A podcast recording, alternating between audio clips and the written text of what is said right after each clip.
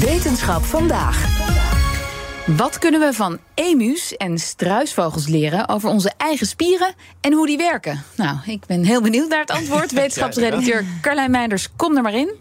Ja, uh, eerder deze week hoorden we onderzoeker Pasha van Bijlert van de Universiteit Utrecht en Naturalis al even. Toen hebben we onze algemene dino-kennis even goed opgefrist. Ja. En toen zei ik al, hij is zelf ook weer met nieuw onderzoek bezig en dat houden jullie van me te goed. Nou, zou je kunnen denken dat hij gezien zijn liefde voor dino's een paleontoloog is. Maar dat is hij van oorsprong helemaal niet. Ik ben eigenlijk bewegingswetenschapper van origine. En bij die studie ga je meestal een onderzoeksproject doen over mensen. Maar dat jaar was toevallig Trix, de T-Rex van Naturalis, voor het eerst tentoongesteld. En ik kon daar maar mijn mond niet over houden. Dus uiteindelijk zijn we in contact gekomen met de onderzoekers daar. Kwamen terecht bij Anne Schulp. Hij is nu mijn promotor. Maar destijds heb ik daar mijn eerste project over gedaan. En dat is ook uiteindelijk mijn eerste wetenschappelijk onderzoek geworden.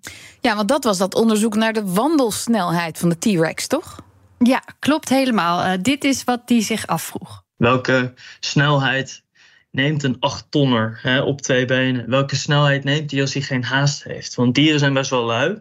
Als ze geen haast hebben, kiezen ze een snelheid waarop ze de minste energie verbruiken. Ja, weten jullie nog wat eruit kwam? Ja, dat, uh, dat, die T-Rex even snel wandelt als wij mensen. Vijf kilometer per uur, toch? Ja, hartstikke goed. Goed onthouden. Goed opgelet ja. erbij. Ja, heel goed, heel goed. En wat natuurlijk ook interessant is, hoe hard kan T-Rex, een jager, maximaal rennen? Maar je kunt je voorstellen dat uitzoeken voor een uitgestorven dier is nog niet zo makkelijk. Het probleem is dat er heel veel dingen zijn die je niet kan weten van een dino. Dus dit omzeilen we een beetje door natuurkunde te gebruiken. Want toen T-Rex rondliep, was de zwaartekracht hetzelfde. De wetten van de natuur golden ook. Dus als ik de dino na kan bouwen op de computer. Dus dan maken we een 3D-scan van het skelet, want het skelet bewaart wel. Uh, we geven een skeletmodel geven we spieren. En dan met ingewikkelde wiskunde leert het model de spieren aanspannen. Dan op een gegeven moment gaat het lopen op een, ja, op een in ieder geval natuurkundig realistische manier. Nou, dit heb ik gedaan, dit lukt, kan ook rennen. Maar toch kom je uiteindelijk tot de conclusie van ja, ik wil eigenlijk iets beter weten waar we op moeten letten als we dit hele proces doen. Voordat ik met heel erg veel zelfvertrouwen kan roepen van nou, T-Rex kon zo hard rennen. En dit is wat er gebeurde als hij harder ging. Hmm, het klinkt bijna als uh, einde oefening. Ja, gelukkig was dat niet zo. Het is ook wel gelukt. Zijn simulatie kwam uit op 25 tot 35 kilometer per uur rensnelheid. Maar toch heeft hij toen wel een stapje terug gedaan. Hij is de technieken die hij al had ontwikkeld om de snelheid van T-Rex te bepalen, eerst ook eens even op hedendaagse dieren gaan toepassen. Het project waar ik nu echt het meeste mee bezig ben, gaat over emus. Het is een soort aaibare, kleinere neef van de struisvogel uit Australië. Hij is, ook, hij is ook wat fluffier dan een struisvogel. Maar emus en struisvogels zijn eigenlijk heel interessant als je er naar kijkt met uh, een uh, natuurkundige bril op. Want net als mensen lopen eigenlijk, vogels lopen op twee benen. En dat is sowieso een gevaarlijke hobby, hè? want je bent minder stabiel. Uh, de krachten die op je benen worden uitgeoefend zijn veel hoger dan op vier poten. En stel je voor dat je omvalt, nou, dat kan, dat kan best gevaarlijk zijn. Ja, net als bij mensen dus eigenlijk. Ja, net als eh, voor mensen. En al helemaal als je een T-Rex van 8 ton bent. Maar stel je zou alleen maar naar dieren kijken die nog leven. Ook dan zijn mensen niet de meest interessante tweevoeters om naar te kijken. We zijn niet het snelst en ook niet het meest energiezuinig in onze beweging.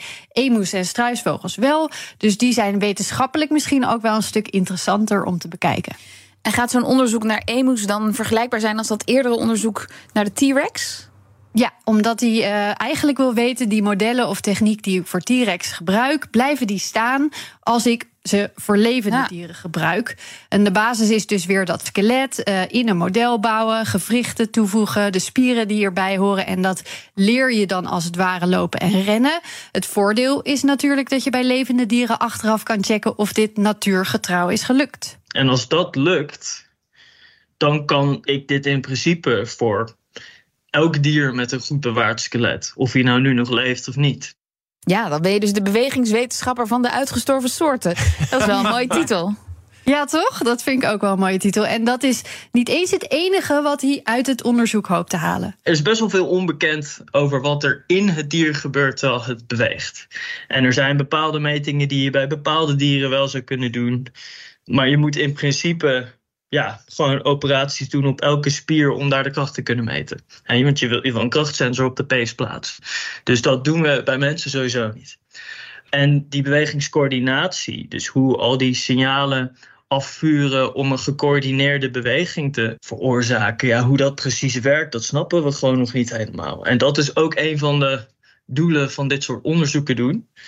Want als het jou lukt om op de computer bewegingen te genereren, dan kan je misschien ook wat inzicht krijgen in hoe wij hè, als dieren dit doen. Aha, dus dan, op die manier hebben wij er ook nog wat aan. Ja, en een van de langere termijn toepassingen zou ook nog kunnen zijn bio-inspired robots helpen bouwen. Die zijn in hun bewegingen ook nog niet zo energie-efficiënt. En Van Beider denkt dat, zeker als je de hoogte ingaat en je wilt iets heel groots maken op twee benen, dat we misschien niet mensachtige zouden moeten maken, maar meer iets wat lijkt op de zware dino die het miljoenen jaren lang op twee benen heeft volgehouden. En er is nog iets waaraan hij hoopt bij te dragen op de universiteit waar hij in Utrecht werkt.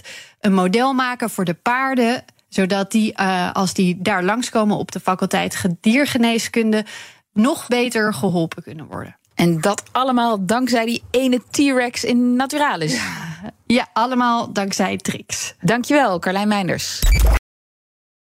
Ook Thomas van Zeil vind je in de BNR-app. Je kunt live naar mij luisteren in Zaken doen. De BNR-app met breaking news, het laatste zakelijke nieuws... en je vindt er alle BNR-podcasts, bijvoorbeeld Het Nieuwe Geld. Download nu de gratis BNR-app en blijf scherp.